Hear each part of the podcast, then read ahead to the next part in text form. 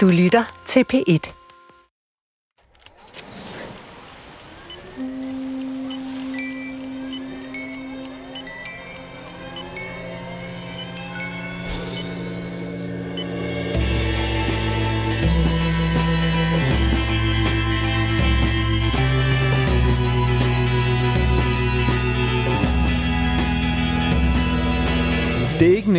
Det der med at komme ud af sin afhængighed.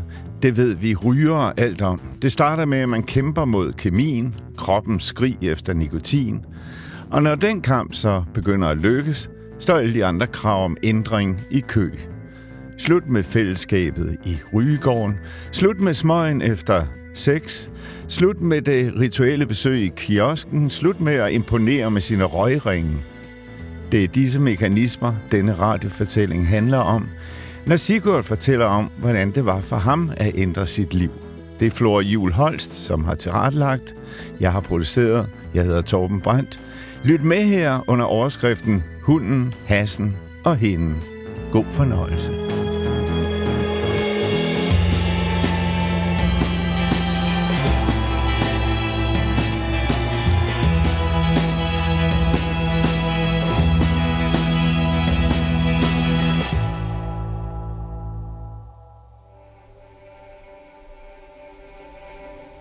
Dagen efter, at min kæreste kommer hjem, der beslutter jeg mig for, at jeg skal fortælle hende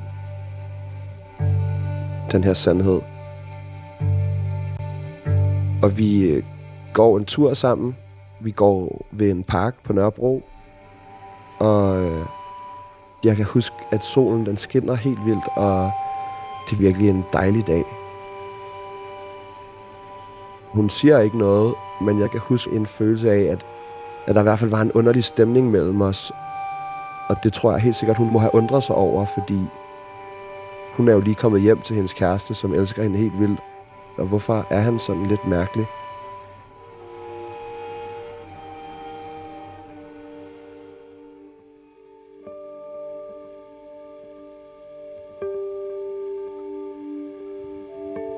Da jeg begyndte at ryge mange joints, der fandt jeg ud af, at på en måde, jeg aldrig havde kunnet før, kunne jeg hvile mere i mig selv. Og det var virkelig befriende for mig at få sådan en følelse af, wow, det er totalt cool bare at være mig og David og Lav og Mads. Jeg behøver ikke andre end jer. Så det var en mega god oplevelse faktisk. Til at starte med i hvert fald.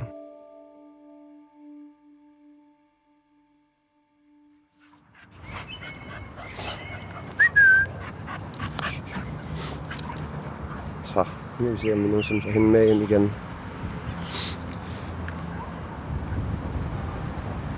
Hun ligner lidt lady. Sådan, ja.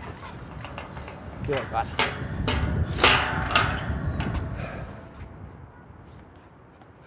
Vi gik rigtig meget, mig og Mads og Lav og David. Så ville vi gå fra Sydhavnen til staden, og så fra staden til Frederiksberg, og så bare gå med en eller anden lille højtaler, hvor der var nogen, der spillede øh, Tupac eller Biggie Smalls. Og så kunne alle teksten, og der var et mega fedt fællesskab. Det fællesskab var bare det eneste, der gav mening i vores liv. Jeg synes jo, jeg levede livet. Altså, jeg synes, jeg var den sejeste knægt i hele byen, og det var de andre, jeg hang ud med også.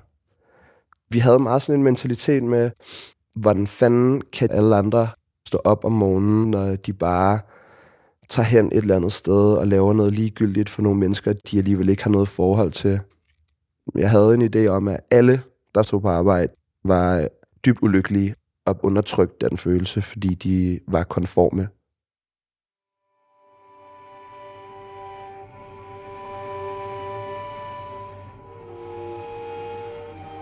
Vi besluttede os for at, at sætte os og snakke om vind og vejr.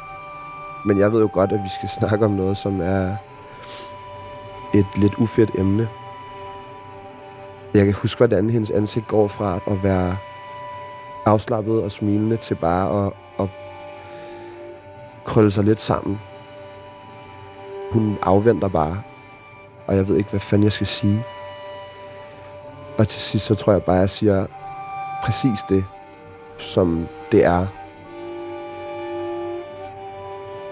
Jeg har løjet for dig.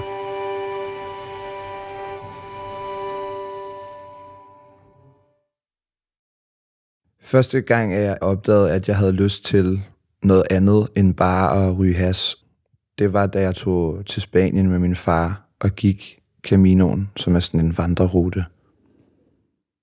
For første gang var jeg clean i mere end 10 dage. Og da der var gået nogle uger, begyndte jeg at kunne mærke, okay, der er en Sigurd, som er bedøvet fuldstændig, og aldrig kommer frem, fordi jeg ryger så meget.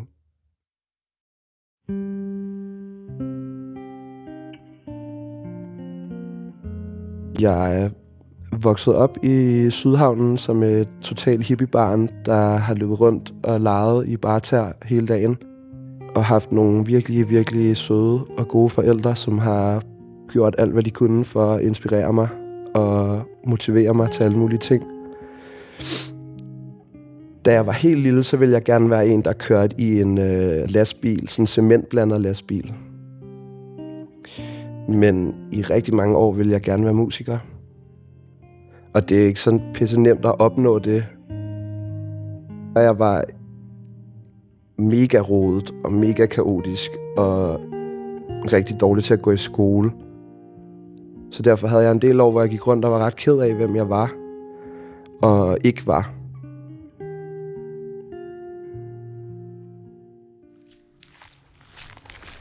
Mina! Hej. Jeg kan godt lide, at jeg bliver nødt til at tilsidesætte mig selv. Så hvis jeg kommer hjem og har en dårlig dag, så er det ikke det, der får lov at fylde alt i min verden, fordi jeg har hende, og jeg skal ud og gå, og jeg skal tænke på, hvordan hun har det også. Det er i virkeligheden super nemt at komme til at søbe lidt i sin egen dårlige dag, hvis man ikke lige har noget, der får en til at bryde ud af det, og får en til at tænke på noget andet.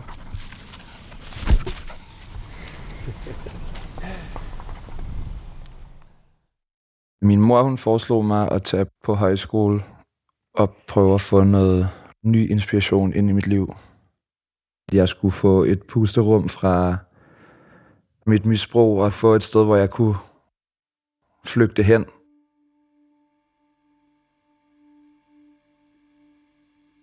Jeg var clean al den tid, jeg gik på højskole. Og der mødte jeg folk, som går på universitetet og har ambitiøse planer for deres liv. Og jeg opdagede, at de her ikke nødvendigvis er nogle stivstikkere og pissehammerne kedelige, men kan være sindssygt givende og sjove mennesker.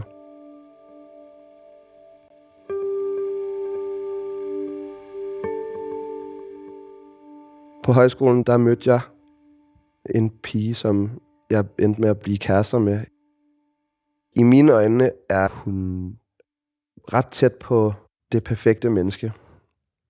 Hun er meget øh, struktureret og effektiv og god til at overholde både sine egne og andres planer og aftaler. Og så er hun på samme tid klar på bare at gribe det, som verden smider i hovedet på hende. Hun er... Øh, jamen altså... Hun er øh, det menneske, som har gjort mig allergladest i hele mit liv, og som har givet mig mest af sig selv. I den periode, hvor vi ligesom faldt for hinanden, der kan jeg huske, at jeg sagde, jeg tror ikke, jeg er god for dig. Jeg har set og oplevet, hvor voldsomt mit misbrug var engang. Og det vidste jeg godt, at hun overhovedet ikke kunne forestille sig. Og det var en svær periode, fordi jeg følte, jeg var så færdig med at ryge has, og jeg følte, jeg var så færdig med hele den livsstil, mine københavnervenner havde sammen, men, men på samme tid var det mine bedste venner gennem 15 år. Så jeg kunne jo ikke bare give slip på dem, fordi jeg havde ændret mig.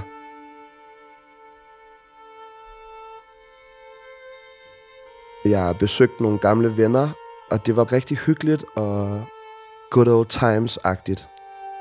Og så tænkte jeg, ved du hvad? Jeg har været clean i så lang tid nu. Selvfølgelig kan jeg lige ryge lidt.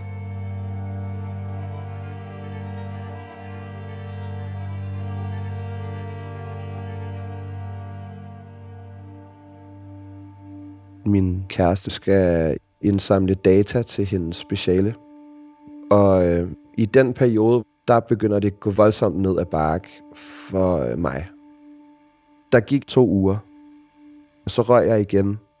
Og så gik der så fem dage. Og lige pludselig, så opdagede jeg, at jeg har røget fire dage i træk nu. Så var det fuldstændig som det havde været engang. Og øh, jeg er nået til et punkt, hvor min egen løgn er vokset mig over hovedet.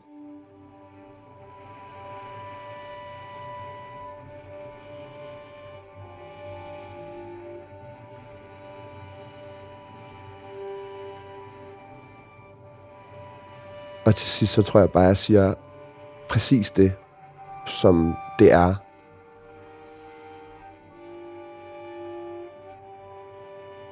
Jeg har løjet for dig. I al den tid, du har kendt mig nærmest. Jeg var clean i noget tid, men så røg jeg ned i mit misbrug igen, og det har jeg aldrig fortalt dig.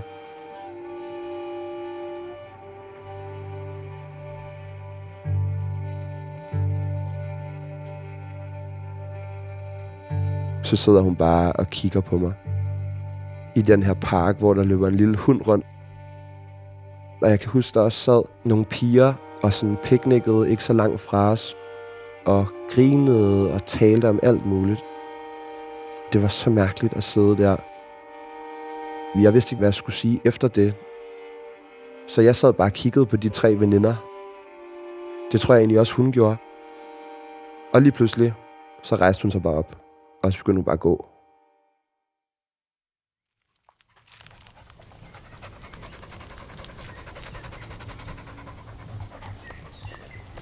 Nu slipper jeg hende lige fri, så hun kan løbe, som hun elsker. Mina, her. Du skal ikke ned til fuglene. Ja. Hun ved det godt. så stopper hun. Åh, oh, okay, ikke den vej. Der er gang i hende.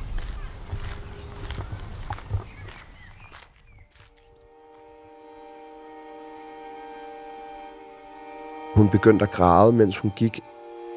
Skuldrene krøb op om ørerne på hende, og, og jeg fulgte bare efter hende. Og jeg blev ved med at sige, please tal med mig. Vi nåede til hendes opgang, og det var ikke, fordi hun sagde, gå væk fra mig, eller lad være med at følge efter mig. Jeg tror bare ikke, hun kunne sige noget.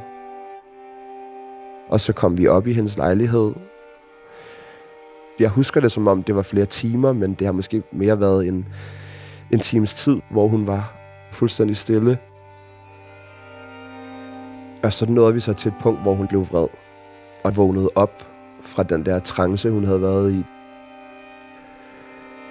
Og hun sagde bare, hvordan skal vi komme videre fra det her, Sigurd? Hvad, hvad er det, du forestiller dig, der skulle ske, når du kommer og fortæller mig det her? Og jeg, jeg ved ikke rigtig, hvad jeg skal svare, fordi fordi det ved jeg jo for fanden ikke. Men ret hurtigt, så fik hun ligesom sagt, jeg er virkelig såret over det her, og jeg er virkelig vred, og jeg er virkelig fortvivlet. Men selvfølgelig skal vi være kærester. Og selvfølgelig ved jeg godt, at du ikke har gjort det her mod mig. Du har gjort det af alle mulige grunde, som jeg ikke kan forstå. Men jeg ved godt, Jeg ved godt, at du elsker mig.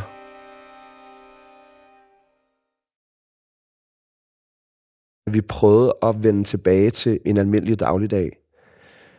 Nu var der så bare den store forskel, at når jeg sagde, at jeg tager lige ud og øh, svømmer en tur med drengene, så vidste hun godt, at jeg skulle ikke ud og svømme. Så jeg begyndte i stedet for at, øh, at lade være med at dukke op på mit arbejde, for at have hele dagen til at ryge, og så, øh, når jeg ville have fået fri fra arbejde, tage hjem til hende, og så sige, at det har været en god dag på arbejde.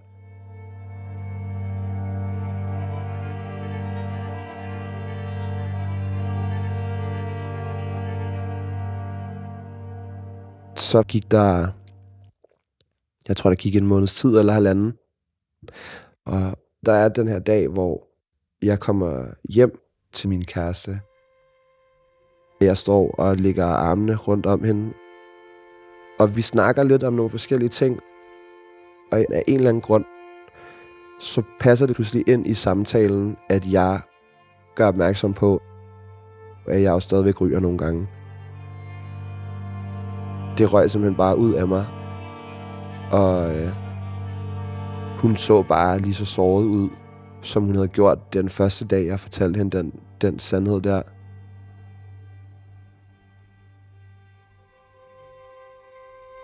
Det var det, som var vendepunktet, som øh, gjorde, at vi ikke kunne få det godt igen. Det er jo ikke mine følelser for hende, der gik i stykker. Det var mine og hendes følelser for mig, der gik i stykker. Det var det, der virkelig sendte mig ud i en depression.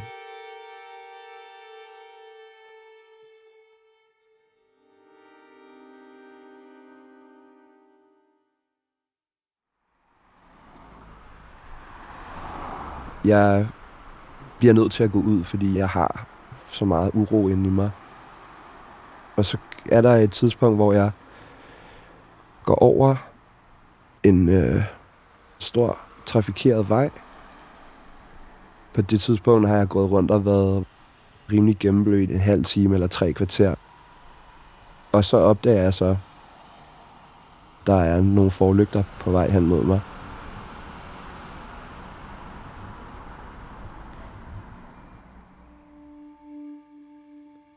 Jeg giver op på mit liv og øh, ligger mig i min kærestes seng.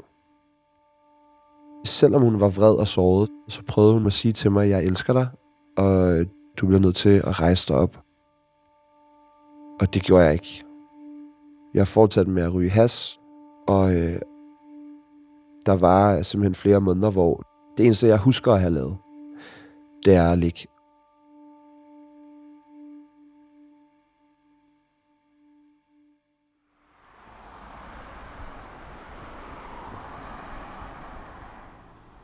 Og så, så får jeg sådan en tanke om, det havde sgu også været mere end fint nok, hvis jeg bare var blevet ramt af en bil der.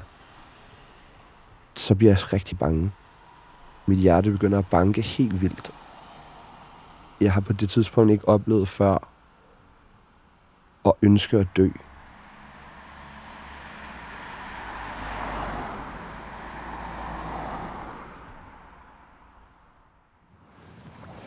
Jeg har brugt meget tid på at være sammen med min hund. Hvilket er sådan ret terapeutisk. Fordi det eneste, man fokuserer på, er hunden. Eller det er ikke det eneste, men man glemmer lidt sig selv. Hvad laver hun? Hun er løbet ind i en busk. Hun undersøger alting. Det er ligesom et barn med en virkelig god lugtesans.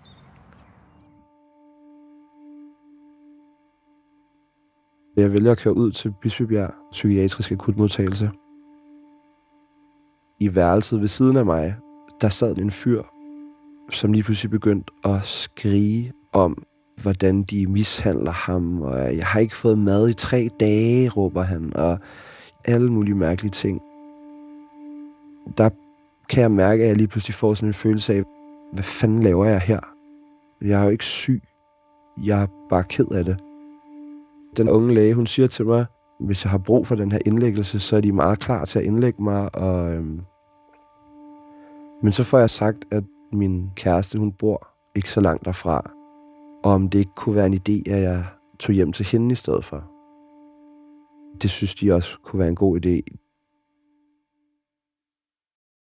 Så ringer jeg så og siger, hej, jeg har virkelig brug for dig og for din hjælp lige nu. Og så begynder hun bare at græde og siger, at jeg omgående skal komme hjem til hende. Og så gør jeg det. Og så får jeg det faktisk bare fra den dag endnu, endnu værre. Og så er der et tidspunkt, hvor vi sidder og snakker sammen på hendes værelse, hvor jeg kan mærke, at hun er fuldstændig udkørt. Og jeg får sagt, måske ville det også være bedre, hvis vi var væk fra hinanden. Og hun begynder at græde helt vildt, fordi det er første gang, der er nogen, der har luftet den idé, at måske skal vi bare ikke være sammen. og vi kigger på hinanden, og kan begge to godt mærke, at nu er det nu. At jeg skal ud af døren, og ikke skal komme tilbage.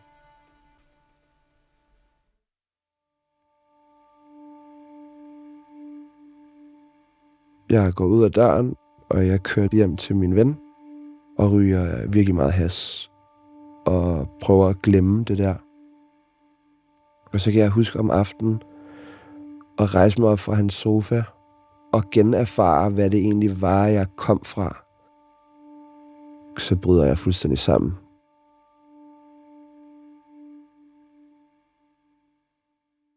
Næste dag så beslutter jeg mig for, at jeg aldrig må komme hjem til de venner der igen. Og jeg besluttede mig for, at jeg ikke vil ryge mere. Og det gjorde jeg så heller ikke. Det er syv måneder siden nu. Jeg begynder at komme hos nogle forskellige behandlere, og det var ligesom startskud til, at jeg begyndte at få det bedre. Men det, som var det rigtige vendepunkt, det var, at jeg en dag kom gående på en af de der ture, hvor jeg har gået hvileløs rundt i byen. Og så kom jeg ind i fældeparken, og så kom der en sød ung pige gående med hendes lille hund, og den løb bare hen til mig, og så satte jeg mig ned og var bare lige glad i nogle minutter, fordi den der hund var skide sød. Og jeg tænkte bare, at jeg skal have en hund.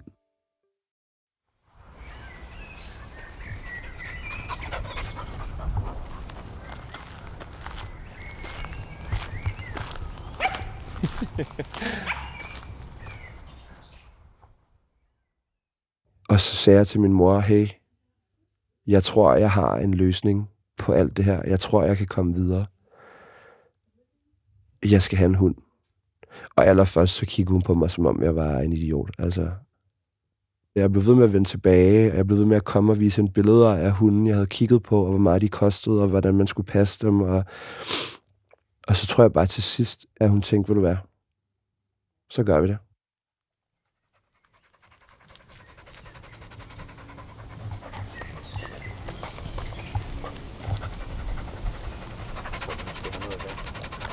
Skal vi lige have noget vand, lille hund?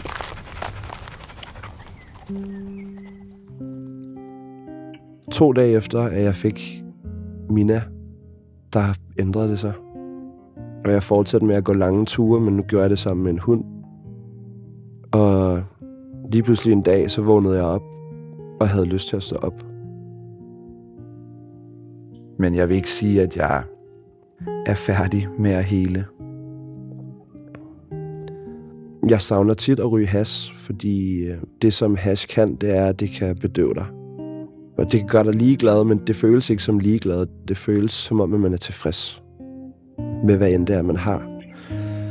Men jeg ved bare godt, at man er ikke tilfreds. Man er bare skæv. Så heldigvis ved jeg nu, eller øh, er jeg ret sikker på nu, det, det kommer aldrig nogensinde tilbage. Og jeg kommer stadig hos min misbrugsvejleder, og hun er mega stolt af de ting, jeg har udrettet. Meget mere, end jeg selv er. Nu bor jeg i min egen lejlighed, og er kommet i gang med at læse igen. Og jeg øh, skal på date på onsdag. Og jeg øh, har fået lysten til at danse tilbage, og jeg har fået lysten til at synge tilbage, og det lyder som en Disney-film nu, men jeg har fået lysten til at leve tilbage. Og det eneste, det krævede, det var tid og plads til at tænke mig om.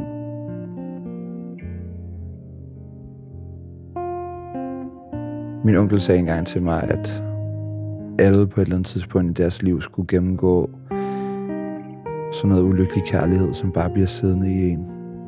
Og det tror jeg er min tur, det her. Jeg håber ikke, at jeg nogensinde skal opleve at tabe noget, der er så dyrebart på gulvet igen. Jeg håber, jeg har lært min lektie. Jeg tror, jeg har lært min lektie.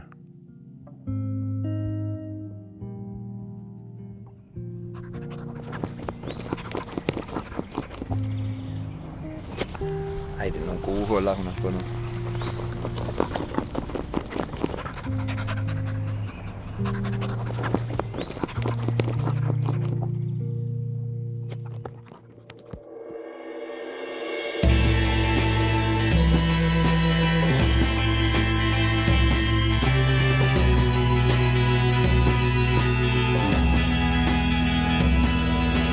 Ja, der er mange sår, der skal slikkes, og mange relationer, der skal justeres, og det tager sin tid, når man vil ud af sin afhængighed, som Sigurd her oplevede det i fortællingen Hunden, Hassen og Hende.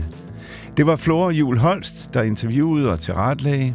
Har du en god historie med et twist, som du selv har oplevet, eller kender du en, der har, så tøv ikke med at skrive til radiofortællinger, snabelag, dr.dk. Husk ædet staves A-I. Skriv også gerne, hvis du har kommentarer, og der er masser at kommentere på, hvis du går på jagt i vores store arkiv med eviggyldige fortællinger om vores liv, og den måde, vi forvalter det på, når det spidser til. Tak for nu, siger jeg, og jeg hedder Torben Brandt. På snarlig genhør.